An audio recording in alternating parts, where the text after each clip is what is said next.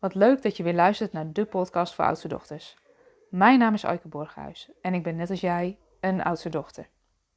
En in deze podcast wil ik het graag met je hebben over, werk jij in een mierennest? En ik neem je even mee, ik denk nu zo'n twee jaar geleden, um, hadden mijn dochters voor Sinterklaas een mierenhotel gevraagd. En nou ja, als dat op dat verlanglijstje staat en het staat met stippen boveneen, dan moet hij er natuurlijk wel komen. En zo gebeurde het ook er kwam een mierenhotel. En vol zorg en aandacht werd dat mierenhotel stap voor stap opgebouwd. En uiteindelijk werden die mieren in het hotel vrijgelaten. En waar ik eerst wat sceptisch was, want mieren horen buiten in de natuur en niet in een hotel binnen, kan ik niet ontkennen dat ik het fascinerend vond om te zien hoe die mierenkolonie aan het werk ging. En nu zul je misschien denken, wat heeft een mierenkolonie nou met mij te maken? Nou, ik denk meer dan je denkt.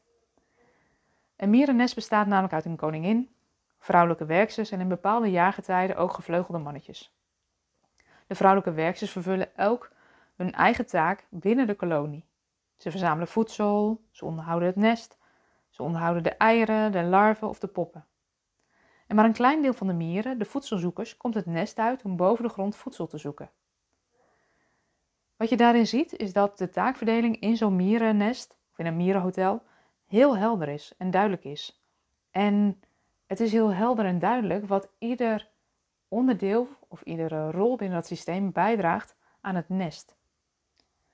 In het Mierenhotel werd zichtbaar hoeveel rust het geeft als de helderheid is in de ordening. Dat kun je bijna vertalen ook naar organisaties. Wat is de functie die mensen uitoefenen en wat zijn de taken, verantwoordelijkheden en bevoegdheden die daarbij horen? Je merkt in de praktijk dat als dat helder is binnen de organisatie, dat mensen meer eigenaarschap en verantwoordelijkheid nemen voor hun werk. Wat je in de praktijk ook ziet, is dat als er onduidelijkheid is over die rollen, taken en verantwoordelijkheden, dat mensen minder eigenaarschap nemen. Ze zich minder verantwoordelijk voelen voor het werk en dat de wij-zij-dynamiek makkelijker optreedt. En dat levert dus altijd energieverlies en gedoe op in de samenwerking. Dat is jammer, want je bestaansrecht, de bedoeling als organisatie is vaak wel heel helder. En ik geloof ook dat niemand naar zijn werk komt met het idee: ik ga vandaag de boel eens flink verstieren. Maar hoe zit dat nou met de ordening in een team of in een organisatie? Op welke plek en vanuit welke positie kunnen medewerkers met zo min mogelijk moeite zo makkelijk mogelijk samenwerken? Nou, soms kan het helpen om daarover in gesprek te gaan, om het met elkaar is te verkennen van weet je welke rollen, taken, verantwoordelijkheden hebben we nu binnen deze organisatie en hoe gaan we dat invullen. Maar als je merkt dat dat niet voldoende helderheid geeft en je merkt dat je steeds vastlopen in die bepaalde patronen van wij tegen zij of de kantjes ervan aflopen of een aantal mensen die heel hard werken en een aantal mensen die wat minder hard werken, dan kan het heel erg helpen om eens systemisch te kijken naar je vraag. Om gewoon eens te kijken hoe zit het nou eigenlijk met die ordening? Maar wat doe je nou eigenlijk met een opstelling? Als je werkt met een opstelling, dan maak je een ruimtelijke weergave van het team of van de organisatie en krijg je zicht op wat er in de weg staat en wat helpend is om met elkaar samen te kunnen werken. Zo begeleid ik een tijdje geleden een teamopstelling in een zorgteam. En de aanleiding voor deze opstelling was dat de samenwerking niet lekker liep. Dat er steeds gedoe was hoe er omgegaan moest worden met cliënten. Dat roosters niet gevuld konden worden dat een aantal mensen heel hard werkten en een aantal andere mensen de kantjes afliepen.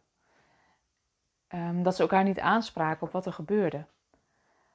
En vaak zie je dat de interventies gedaan worden op dit gedrag. Een team wordt op een feedbacktraining gestuurd of uh, ze moeten beter met elkaar leren communiceren, dus ze krijgen een communicatietraining. Maar als je dat al drie keer hebt geprobeerd en het werkt niet, dan denk ik dat het zinvol is om op een andere manier te kijken. En zo hebben we dat ook met dit team gedaan. Dus ik heb ze wat meer uitgelegd over hoe uh, systemen werken, wat er voor nodig is om het goed te laten gaan in zo'n zorgteam. En wat we vervolgens hebben gedaan, is dat we een opstelling hebben gemaakt over ja, wat, wat voor die mensen allemaal ontzettend belangrijk was, waarvoor ze naar hun werk kwamen. En dat was goede zorg en een fijn huis voor die cliënt.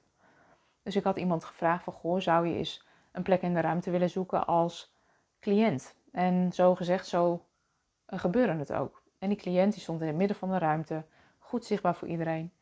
En vervolgens vroeg ik aan de teamleden van, goh, verhoud je nou eens tot die cliënt. En wat er vervolgens in die opstelling gebeurde, is dat alle medewerkers zo ontzettend gericht waren op de cliënt, dat ze er in een heel klein kringetje omheen kwamen staan. Toen ik de cliënt vroeg van wat ervaar je nu, uh, gaf die cliënt of die representant die op de plek van de cliënt stond ook aan, het is hier wel een beetje benauwd, ik heb niet zo heel veel bewegingsruimte. En ik vroeg vervolgens verschillende medewerkers uit dat team uit, zo van, goh, wat ervaar je nu als je hier op deze plek staat? En ze zeiden zelf ook, ja, ik heb weinig bewegingsruimte, ik kan eigenlijk mijn collega's niet zien. Ehm, ik kan maar een deel van de cliënt zien. Ehm, we zijn allemaal gericht op elkaar en we zien eigenlijk verder helemaal niks of niemand meer. En zo in die opstelling zijn we een beetje gaan verkennen van wat is er nou voor nodig om wat meer ruimte te krijgen, om elkaar te kunnen zien. En vervolgens zag je dat een aantal medewerkers wat verder achteruit gingen staan en zo ineens uh, elkaar ook beter konden zien. En ook de cliënt uh, voelde wat meer ervaringsruimte. En op die manier zijn we eens gaan onderzoeken van hey, vanuit welke plekken en posities um, ontstond er nou meer rust. Wat ook heel mooi gebeurde in die opstelling is dat een aantal mensen echt um, heel fanatiek waren en alle verantwoordelijkheid namen. En dat je zag dat een aantal mensen dachten, ja weet je, als jullie het doen, dan, dan doe ik het wel niet. Dus die stonden wat verder op afstand. En wat er gebeurde toen die mensen ook in die binnenkring wat meer afstand namen, is dat je zag dat de mensen die wat verder weg stonden, ook wat meer verbinding zochten met het team weer. En zo zie je ook dat het vaak een wisselwerking is binnen zo'n team van wat doet de een, wat doet de ander. En dat je dus door op zo'n manier eens je vraag anders te kunnen onderzoeken, uh, in gesprek kon gaan over wat er nou belangrijk was voor die samenwerking. Een tijdje geleden sprak ik mijn opdrachtgever nog, met wie ik deze middag met dat team heb gewerkt. Want we hebben het vervolgens ook concreet gemaakt. Wat betekent dit nou in gedrag? Hoe werken we nou samen met elkaar? En ze zei, ja, er is gewoon veel meer rust ontstaan sinds er zicht kwam op wat er eigenlijk onbewust speelde in dat team. Nou, dat zijn natuurlijk wel cadeautjes om dat zo mee te krijgen. En dat is wat ik eigenlijk altijd zie gebeuren als ik met teams werk. Op het moment dat er helderheid is over wat er in die onderstroom nou blokkeert, waarom die samenwerking niet lukt, dan geeft dat heel veel ruimte, oplossingsruimte om dingen anders te doen.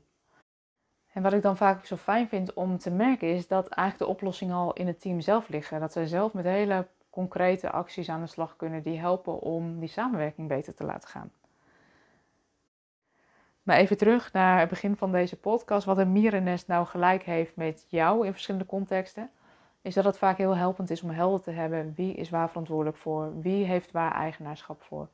Kun je met elkaar het gesprek aan over de gezamenlijke bedoeling. Waarom we doen wat we doen. En je ziet vaak dat dat dan verbindend werkt. Waardoor mensen weer naast elkaar komen te staan in plaats van tegenover elkaar. En dat is ook wat ik zo fijn vind, want heel vaak willen we eigenlijk hetzelfde, alleen de manier waarop we naar kijken of de manier waarop we denken dat we dat moeten bereiken is anders. En daarom maak ik soms de parallel met een mierennest, waarin de taken heel helder en duidelijk zijn en dat geeft rust. En ik denk dat iedereen graag met plezier, met energie en met voldoening zijn werk wil doen. En ik denk dat het opstellingenwerk daarin bij kan dragen. En alleen al het gesprek voeren met elkaar. Wat zijn nou de rollen, taken en verantwoordelijkheden die we hebben? Waarom doen we wat we doen? Ik denk dat dat al heel veel inzicht kan geven met elkaar. En kijk of je naast elkaar kan staan in plaats van tegenover elkaar. Want uiteindelijk willen we allemaal hetzelfde.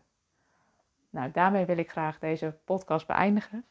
Dankjewel voor het luisteren. Mocht je deze podcast nou interessant vinden, abonneer dan even. En uh, wil je hem doorsturen naar iemand, voel je vrij om dat te doen. Want zo help je me om nog meer oudste dochters te kunnen bereiken. Voor nu wens ik je een hele fijne dag.